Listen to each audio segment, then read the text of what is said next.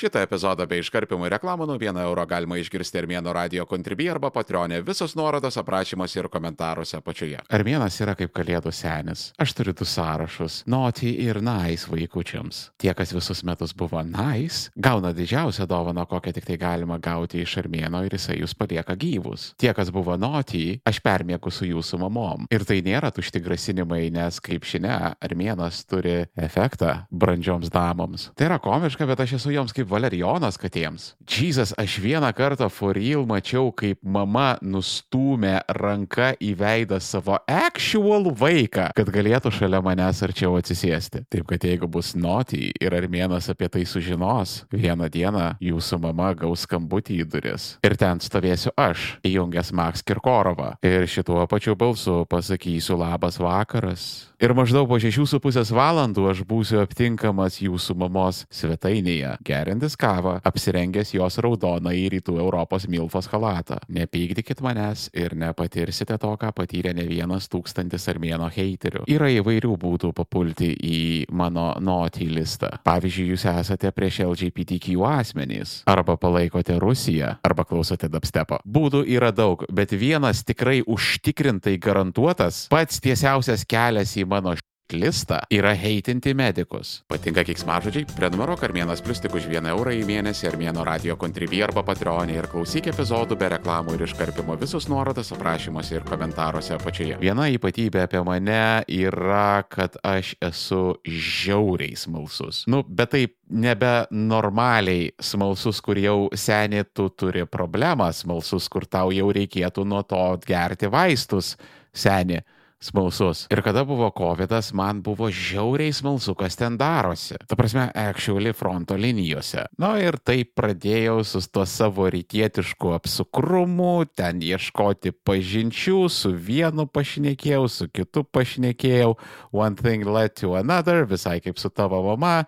Ir aš apaugau tokiomis uh, apčiuopiamomis medicininėmis pažintimis. Mane turbūt galima būtų pavadinti šiokio tokio medikų ally, nes susipažinę su šitos profesijos ir čia aš turiu omenyje medikus pačia plačiausia prasme, tai yra ir gydytojai, ir paramedikai, ir slaugai, ir nemedicininis sveikatos apsaugos personalas. Ir vad kada aš susipažinau iš arčiau su šituo veiklos sektoriumi, kada aš pamačiau, kas tai yra per žmonės, išgirdau jų pasakojimus, aš labai smarkiai pradėjau jiems prijausti. Nes jūs net neįsivaizduojate, ant kiek mums dal pasisekė turėti tokius žmonės, kurie šitaip negailėdami rūpintųsi mumis. Jums gali patikti, gali nepatikti lietuviška medicina, bet patikėkit manim, tai, ką mes dabar turime, yra labai, labai daug, turint omenyje visas aplinkybės, kaip tas daiktas yra finansuojamas, kaip jis yra efektyviai valdomas, mūsų sveikatos apsauga turėtų būti žymiai, žymiai blogesnė. Apskritai pabijokit Dievo su savo nusiskundimais. Varyti ant Lietuvos medikų, kad jie kažką netaip daro, yra tas pats, kas pykti ant Ukrainos savanorių, kad jie per lietai kariauja su Rusija. Vienas ką paramos fondas jau užtiso daugybę orkų šventoje Ukrainos žemėje, bet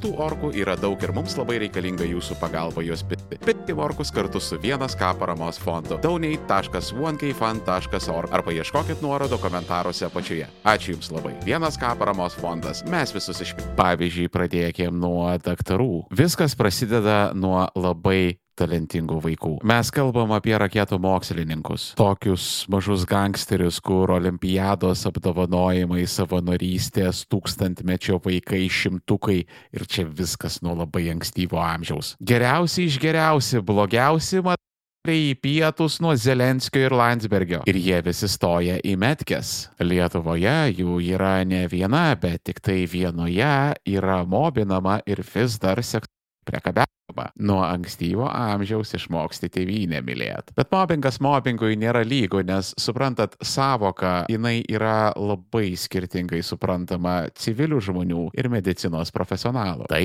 ką mes vadintume holy shit, kvieskit institucijas, inspekcijas ir tarnybas mobbingu, medikai tai įvertintų kaip me norma. Tai dabar turėkite tą skalę omenyje ir pabandykite suvokti, ką galėtų reikšti mobbingas vienoje iš Lietuvos metkių. Atkalbinėti savo kursiokus nuo savęs užbaigimo tai yra vienas iš pirmųjų įgūdžių, kuriuos išmoksta jaunieji medikai. Vėliau tai labai pasitarnaus, nes žinokit, visą likusią karjerą medikai stabiliai susiduria su situacijomis, kuriuose turi atkalbinėti savo kolegas nuo savęs galimybės, jūs nusteptumėt, kaip tai yra dažna medicininėje profesijoje. Aš prisimenu, kaip man pasakodavo apie tai medikai, tai jie apie tai kalbėdavo, tarsi tai būtų eilinis antradienis. Maždaug, nu, atėjau į darbą, išgėriau kavos, papletkinau su seselėmis, ai ten dar kolega biškėt kalbėjau, nu, su Nu, karo čia tokia eilinė diena. Prasme, tokia visiška girtekos vadybininko pasakojančio apie savo darbo dieną intonacija. Pasakyti, kad medicinos studentai gyvena paspaudimu, tai yra nepasakyti nieko. Ir pamenat, kada epizode apie stojimą į universitetą aš pasakojau, kad jau nebereikia parintis, kad moksluose nebėra žiaurių kirvių dėstytojų, kad mokytis yra dabar kaip niekad lengva, metkytas negalioja. Norinčių yra labai labai daug, konkurencija yra belenkaip didelė ir dėstytojams yra giliai Ten toks jausmas, kad administracija ir kai kuris dėstantis personalas aktyviai nekenčia studentų. Jūs ten tose savo komunikacijos moksluose bėgate studentų atstovybę, kada per mėnesį nutinka trys atsiskaitimai iš kokio nors dalyko. Jums, matot, per sunku, spaudimo per daug. Metkėje penki seminarai ir trys testai į dieną yra tokia norma, kad antram trečiam kursė žmonėms jau net antakis nebepakyla. Kaip sakė mane informavęs žmogus, tai 24 valandų personažas yra maždaug tipinė vidutinio medicinos studento psichinės sveikatos būklė. Jie yra pervargę, persitempę, perdegę, jeigu nėra pasiturinčių tėvelių, jie kenčia skurdą, patyčias ir jų socialiniai gyvenimai yra dizasterio zona. Ir jeigu tu, būtent tu, nes į tave aš dabar žiūriu, jeigu tu dabar išdrysi prasižioti ir pasakyti, kad taigi jie patys tai pasirinko, aš tave paimsiu už kaklo ir pakelsiu nuo žemės. Ir man nereikės rankų, nes viską aš padarysiu vien žvilgsniu. Ką reiškia patys pasirinko? Jūs nueitumėt tą patį pasakyti Ukrainos kare žuvusio savanorio našliai ir našlaičiams. Tai yra vaikai. Tai yra 20-somethingai, kurių jautrios, jaunos, dar iki galo nesusiformavusios smegenys belenkaip jaučia skausmą. Ir čia žinokit, pagrindinis dalykas, apie ką kalba dauguma medicinos studentų - tas visuotinis empatijos nebuvimas. Dėl to iš kiekvienos naujos medikų laidos kasmet kažkur pusę patepa į užsienį, nes jeigu jau tokia santykių pradžia, tolimesnė jų eiga tikrai nebus geresnė. Ir aš jos visiškai suprantu, nes būti mediku Lietuvoje tai yra tas pats, kas gyventi labai nedėkingam super toksiškame santykyje, kur tu kenti skurdą, nepriteklių ir visas įmanomas smurto formas. Jeigu jūs esate kada buvę giliai toksiškose santykiuose, tai tai, ką jaučia ir išgyvena kiekvieną dieną medikai, jums yra labai labai pažįstama.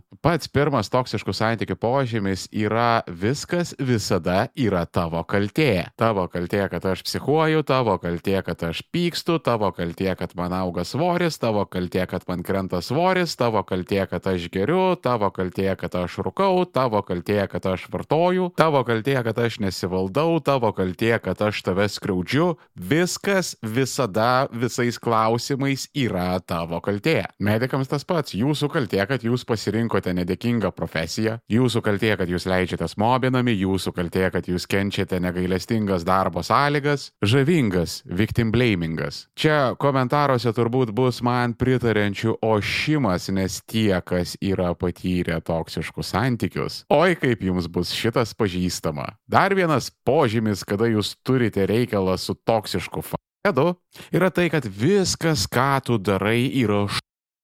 Tavo muzika š, tavo filmai š, tavo draugai š, tavo giminė š, ir apskritai tu esi š. Irgi mediko kasdienybę. Lietai dirbat, blogai darot, neefektyviai valdot, karočią kiekvieną mielą dieną. O dar vienas nuostabus dalykas, kurį daro toksiški partneriai. Tai tas visas bendras reikalas, kada kaip čia pasakyti, kada jie gali su visais elgtis kaip nori, sakyt, ką nori, visiškai nefiltruot bazaro, gadint šventę po šventės, visiems į dušę ir projekciškai vemtant, ko tik tai panorėsiu, bet jūs aplink mane šokinėkit tarsi ant kiaušinių lūkštų. Išdrįsktų jiems tik tai kažką pasakyti. Nors menkiausia kritika ir jie paklaikusiomis akimis šoka jums į atlapus. Čia šimtaprocentinis yra daugelio medikų ir jų pacientų santykis. Aš pavyzdžiui pažinojau žmogų. Ta persona taip stabiliai 2-3 kartus metuose darydavo ėjimo per klinikas ir ligoninės maratoną. Tiesiog prasidėdavo kažkokie simptomai, dažnai tokie labai abstraktus, psichosomatiniai. Nu, ten tipo nemiga, nuotaikų kaita, auga krenta svoris, ten galvas skauda. Ir taip metai po metų to žmogaus buvo išvaikščiota visa Lietuvos sveikatos apsaugos sistema. Ir tokia yra ypatybė apie tą asmenį, kad e, tai yra žmogus su labai labai pasyviu gyvenimo būdu. Darbas iš namų, jokio sporto, jokio judėjimo. Nuo 12-13 metų rūko ir geria. Pokas į dieną ir pusę savaitės trunkančios išgirtuvės tai yra norma nuo paauglystės. Nuo dviem geria antidepresantus. Griežti medikų draudimai nemaišyti jūsų to žmogaus visiškai nestabdo. Mytyba kaip pas barakė gyvenantį studentą. Bomžpakiai šaldytos picos ir magdas. Ir dabar žmogui yra virš 40 metų. Ir jeigu jūs galvojat, kad žmogus tai papasakojo jam diagnozių ieškojusiems medikams, tai siūlau pradėti galvoti iš naujo. Aš pamenu smarkiai ginčydavausi, nes tiesiog atsisakydavo priimti to fakto, kad tu su tokiu gyvenimo būdu net teoriškai negali gerai jaustis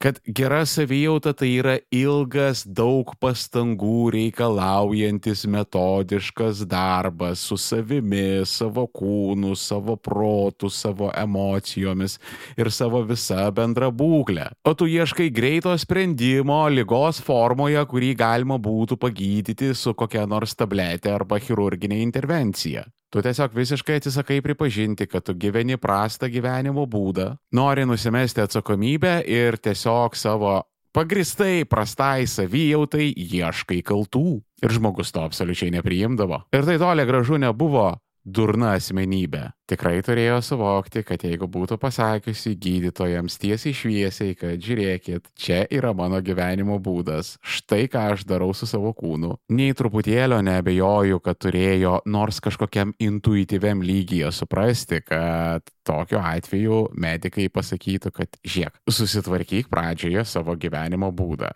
Pirmą atmeskime šitą dalyką, ir tada jau pradėkime žiūrėti, kur toliau galim ieškoti. Visai galimas daiktas, kad tu turi kažkokią nediagnozuotą lygą, bet tavo gyvenimo būdas kelia tokį triukšmą, kad mes norėdami galime jos nesurasti. Man baisu pagalvoti, kiek to žmogaus gastrolės po visą Lietuvos veikatos apsaugos sistemą galėjo kainuoti mokesčių mokėtojų pinigų. Visi pasaulio tyrimai, visas pasaulio konsultacijos, visos pasaulio klinikos ligoninės praktikos, whatever specialistai ir nieko nerasta. Yra bidniausia, kad greičiausiai žmogui reikėjo psichoterapijos, mytybos plano ir džimo membershipo. Ir tokių, žinokit, yra legionas, kurie yra užkišę visą sveikatos apsaugos sistemą savo gyvais kūnais, įsikibę medikams į atlapus ir rėkiantis jiems į veidus, kad sutvarkyk mane. Ką tave sutvarkysi? Tu mane surodas gyvis tiek nesiklausysi. Man šeimos gydytojai pasakojo, kur tris metus žmogui lašinai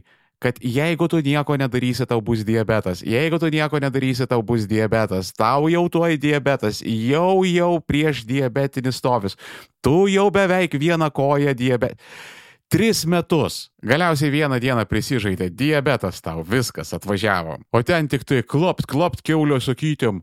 Doktoriu, o tai kodėl? Diabetas, kaip iš kur čia toks? Kur sudarai žmogui mytybos planą ir taip žiūri, niekas nesikeičia, svoris nekrenta ir netgi tik tai auga. Pradedi aiškintis, dievagojasi, kad griežčiausiai laikosi dietos. Viskas skrupulingai paskaičiuoja, pamatuoja, pietukus į darbą pasidaro, įsideda viskas, daktarė, kaip sakėt. Patrauki už siūlo, dar patrauki, dar patrauki ir ištrauki, kad pasirodo dar visą dieną jie tenais užkandžiauja. Jo gurtukai, riešutukai, sūrio lasdelės, duoniukai, ryžių trapučiai. Taigi daktarė surelis nesiskaito. Ir jeigu tu esi medicas, tai tavo santykis su pacientais yra toksai, kad pusę laiko jie tau į veidą meluoja, pusę laiko jie ignoruoja viską, ką jiems tu sakai. Šitoje vietoje gavos rantas apie savygydas ir visokius biohakerius, pačius nuostabiausius žmonės, kuriuos dievina visi pasaulio medikai. Bet žiūriu ir taip epizodas link pusvalandžio. Ir jeigu ilgiau bijau, kad dženzeriai publikoje šito neatlaikys, todėl viską padėjau į Armėnas Pro. Vietą žmonėms su actual attention spanais. Armėnas Pro pilnos trukmės epizodai be reklamų. Užsisakyk planą Armėno radio kontribį arba Patreonė tik 4 eurai 99 į mėnesį. Visus nuorodos aprašymuose ir komentaruose apačioje. Ir dienos pabaigoje tau reikia įdėti į savo darbą tiek pastangų, kaip koks geras transnacionalinio korpo egzekutyvas, bet kompensacija yra tavo toli gražu kaip negero tokio transnacionalinio korpo egzekutyvo. Todėl, kad alga tavo kaip valytojo Algos mažos, bet už tai darbo daug. Čia yra Lietuvos sveikatos apsaugos sistemos šūkis. Ir va apytikriai nuo šito taško komentaruose prasideda pasakojimai apie tai, kaip jūs asmeniškai pažįstate gana pasiturinčiai gyvenančius medikus. Taip ir žinokit, turint omenyje visas aplinkybės, jų yra Lietuvoje ir gana nemažai. Bet du dalykai. Numero uno tokių yra nedaugiau penktadalio, o likusieji 80 procentų yra paprasti rabatiagos gyvenantis už prekybos centro palečių tampytojo algą. Antras dalykas, tam, kad jie virintų tuos, tarkim, 5-6 k švariais grinais į rankas per mėnesį, jie turi pahalinti kokiuose penkiuose darbuose, ten kokioj ligoniniai, tada vietos poliklinikoje, tada privačioj klinikoje, tada savo klinikoje ir dar aš studentus mokau. Jie dirba po 14-15 valandų valandų į dieną, po 6-7 dienas į savaitę, 360 dienų metuose ir užsilenkinėja nuo infarktų 55. Tu arėkai plantacijose druži save į pelenus vardan tokio prakutusio vakarų Europos gydytojo algos. Net nepasiturinčio, net ne aukštos klasės, o tokio kiek prakutusio. Ta prasme, Lietuvos metkės studentas, kuris emigruos, išeis rezidentūrą užsienyje, tada pradės praktikuoti. Praeis 2, 3, galbūt 4 metai ir jisai turės tuos 5, 6 k į rankas, kokioje nors Norgėje, Šveicarijoje, Austrijoje ar dar kažkur, kur labai faina medikams. Just chill 9 to 5 indamas su adekvačiamis darbo sąlygomis, atostogomis ir visomis įmanomomis socialinėmis garantijomis. Jeigu jisai įdėtų tiek pat pastangų, kiek tas mano anksčiau įvardintas medikas toje savo Šveicarijoje, tai jisai būtų multimilijonierius. Ir ten kitą kartą žiauru žiūrėti, kaip medikai turi žemintis, kad užsidirbtų nors kažkiek adekvačias algas. Kyšiai yra dar viena, bet kada ten prasideda tokių labai labai abejotinos vertės ir kokybės procedūrų darimas. Pavyzdžiui, tos visos revitalizuojančios lašelkos, kur ten visi influenceriai čia visai neseniai reklamavo. Jūs esat kursę, kad ten yra banalus druskos tirpalas, kurį galite rasti bet kokioj vaistiniai už čyrika max. Jums už 200 eurų sulašina patį vulgariausią ringerį, kurį urmu turbūt galima už mažiau negu 2 eurus paimti. Ten tie visi fileriukai lupytės ir mergytės, damos, merginos Aš žinau, kad jūs girdėjot, jog filerį galima išsileisti, nes čia jums taip rytų Europos daktaras pasakė. Mes visi žinom, kad rytų Europos gydytojais galima tikrai pasitikėti, ypač tais, kurie nerado darbo Šveicarijoje arba Austrijoje ir daro šotus cringe Instagramo fyfoms. Ateityje jūsų laukia staigmenėlė ir taip neturėtų būti. Nesvarbu, koks tu esi medicinos profesionalas ar actual daktaras gydytojas, MD, ar chirurgas, ar terapeutas, ar diagnostas, ar paramedikas, ar slaugas, ar akušeris, ar felčeris. Tai yra žmonės, kurie yra pakankamai gerai apmokyti, turi neblogas smegenis ir moka jomis naudotis. Ir geriau tokių žmonių nestatykite į ekstremalias situacijas, nes kai kurie iš jų pradės labai ciniškai ieškoti išeičių. Čia yra kita medalio pusė. Prie viso mediko heroizmo ten yra blogų obolių. Tai yra mažuma, bet jos užtenka. Čia kaip šeimoje pakanka ir vieno. Tai šitie žmonės tiesiog went full joker. Jie pamatė tą visą iškreiptą ir negailestingą sistemą, į kurią ateina ir pasakė, okei, okay, jeigu aš noriu išgyventi, aš turiu pavirsti į monstrą. Ir tai yra tie visi kyšininkai, tie abuseriai, tie mobintojai, tie leškus lepintojai. Jų daug nereikia, bet užtenka vieno tokio įstaigoje ir visiems pasijaučia. O jų įstaigose yra ne vienas. Ir atsikratyti negalima, nes visų specialistų klaikiai trūksta, visų, visiškai visų. Ne tik tai gydytojų ir ne tik tai regionuose slaugantysis personalas tampa labai labai didelė problema, o sesutės ir sanitarai tai yra labai svarbi sveikatos apsaugos sistemos dalis. Gydytojai yra tokie kaip karininkai ir generolai. Slaugantysis personalas yra pėstininkai, kurie actually kariauja karą. Ir su juo yra žiauriai blogai, žiauriai trūksta iki pat tokio lygio, kad net kai kurios ligoninės privalo stabdyti kai kurias savo veiklas, nes tiesiog neužtenka slaugytojų. Ir čia visur, kur be pasižiūrėsi, į paramedikus neina su greitųjų vairuotojais blogai, administracinio personalo nėra. Nu, Žodžiu, labai labai didelė ir sunki kadrų krizė dabar medicinoje yra Lietuvoje. Aš Armėno radijo Instagrame paanonsavau šitą epizodą. Pasiūliau pastorių patikti klausimų. Ką norėtumėt, kad pakalbėčiau? Oi, veikia šį kartą man jų prikrito. Labai užsitrigerinę žmonės buvo ir tokie threadai ištisi ėjo apie tai, kaip juos nugydė, ar tai jų giminaičius nugydė, ar pražiopsojo kažkokią svarbę diagnozę, ar kažką net ir užmušė. Mano atsakymas jiems buvo toksai pats, kaip ir šito epizodo pradžioje nuskambėjusi tezė, kad Hebra medicina Lietuvoje pagal viską turėtų būti dar reikšmingai blogesnė, negu jinai realiai yra. Ir mes labai sparčiai judame tą tokią valstybę su imitacinė sveikatos apsauga kryptimi. Ir ir gana greitai mes neturėsim net ir to, ką turim ir dabar, o turim labai daug. Pavyzdžiui, mūsų planetoje yra taip kokie 20-22 pasaulinio lygio vėžio centrai. Vienas iš jų yra mūsų vėžio centras Santariškėse Vilniuje. Lyginant su visomis lygi vienos buvusiomis sovietinėmis respublikomis, pas mus yra by far pati geriausia sveikatos apsaugos sistema. Ir lyginant su vakarais, mes taip stovim gana relatyviai bei netoli. Nu, ranka nepasieksi, bet akmenį damesi. Ir turint omenyje, kiek mes finansuojam šitą sistemą, tai yra nenormaliai daug, ką mes turim. Pagal idėją mus turėtų pasitikti daktaras Nikas. Ar čia visada tas būna, kad, ai, nu kažkaip išsispręsgi, visada išsisprendžia, nu išsispręs ir šį kartą. Jo dalykai išsisprendžia iki patos akimirkos, kol nebeišsisprendžia. Ir paklausykite manęs labai atidžiai, kada aš jums pasakau, kad mes esame labai netoli labai didelės katastrofos. Mes judam link angliškos sveikatos apsaugos. Ir tai gali nuskambėti labai gerai, bet šiais laikais angliška sveikatos apsauga nėra kokybės ženklas. Aš atsimenu, dar sename armėno radijui kažkokiam kontekste pagyriau UK NHS. -ą. Ne visa armėno kūryba yra internete. Prenumeruok armėnas ultra armėno radio kontribį arba patreonė ir gau prieimą prie armėno slėptuvės, kur guli visi klasikiniai armėno radio epizodai, visos nuorodos aprašymuose ir komentaruose apačioje. National Health Service, čia jų sveikatos apsaugos sistema taip vadinasi. Ir atsimenu, kiek man į piemus supuolė emigrantų rašyti, kad seniai pabijok Dievo.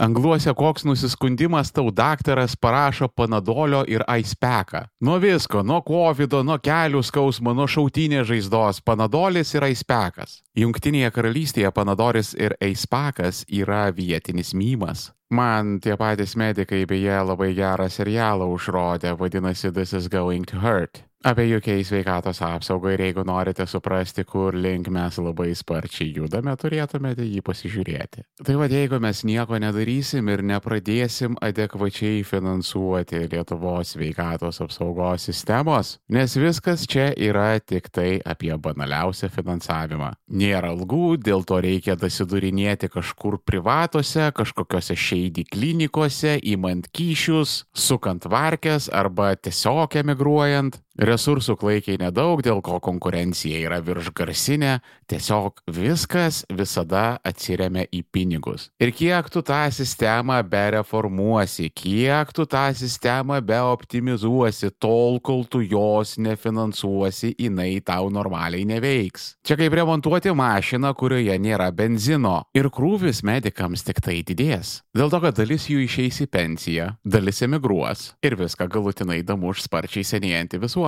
Dėl to, kad ką daro vyresnio amžiaus žmonės? Ogi serga. Sirgti yra pagrindinis ir pats mėgstamiausias senjoro užsiemimas. Ir jeigu mes kažko nepadarysime su finansavimu, šitos žirklės gana greitai mums nukirps galvas. Ir todėl, kai aš kalbuosi su medikais, man yra tokia nelaimės nuojauta. Per visą grandinę nuo studentų iki profesorių, nuo slaugių iki chirurgų. Mes tuoj nebeturėsim sveikatos apsaugos. Jinai bus arba nepakeliamai brangi, arba eilės bus tokio ilgio, kad nemokama medicina nustos egzistavusi. Ir jeigu mes to nenorime, reikės kelti mokesčius, nes tie pinigai iš kažkur turės atsirasti. Ir arba gali būti nedidelis mokestis mums visiems, arba labai didelis tik pasiturintiems. Nes žinokit, kada jūs matote senamestyje tą 911, tai jūs paklausykite mane, seno finansų konsultanto, kad jis bus nupirktas su visomis šitoj planetoj įmanomomis lengvatomis. Ten lizinguotas ant įmonės, ant Latvijos juridinio subjekto pakabintas, atvežtas kažkaip per Estiją.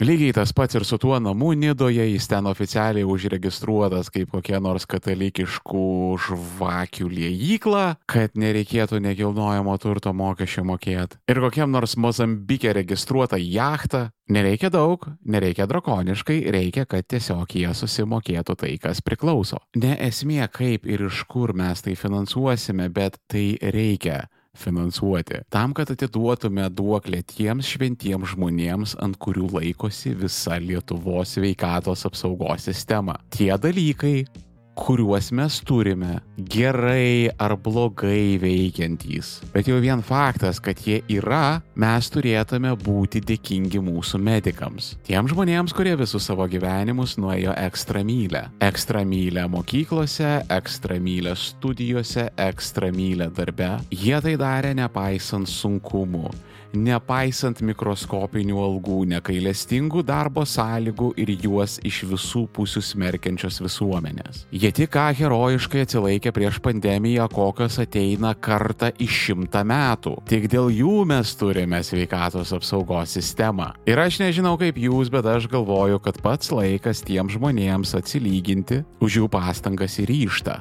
Ačiū Jums už Jūsų pasiaukojimą ir tarnybą. Pasirašo jūsų nedėkingi dalpai. O sekantis epizodas nusimato per mokslo metų pradžią. Ta proga neikit vaiką į mokyklą, kuritasi Lietuvos švietimas. Kitą kartą per Armėno radiją. Jeigu nenori laukti ištisos savaitės epizodas, jau guli Armėno radio kontribį arba Patreonė, prenumeruok Armėnas Pro ir klausyk visų epizodų iš anksto viso labo 4,99 į mėnesį. Visos nuorodos aprašymuose ir komentaruose apačioje. Kur dar internete būna Armėnas? Ieškokit manęs link 3 lešas Armėnas, viskas vienoje vietoje arba žiūrėkite aprašymuose ir komentaruose apačioje. Jeigu esate tikri Armėno kentai, laikinat, šėrinat, komentuojat, subscribinat ir rekomenduojat visiems. Šiandien tiek. Iki kito.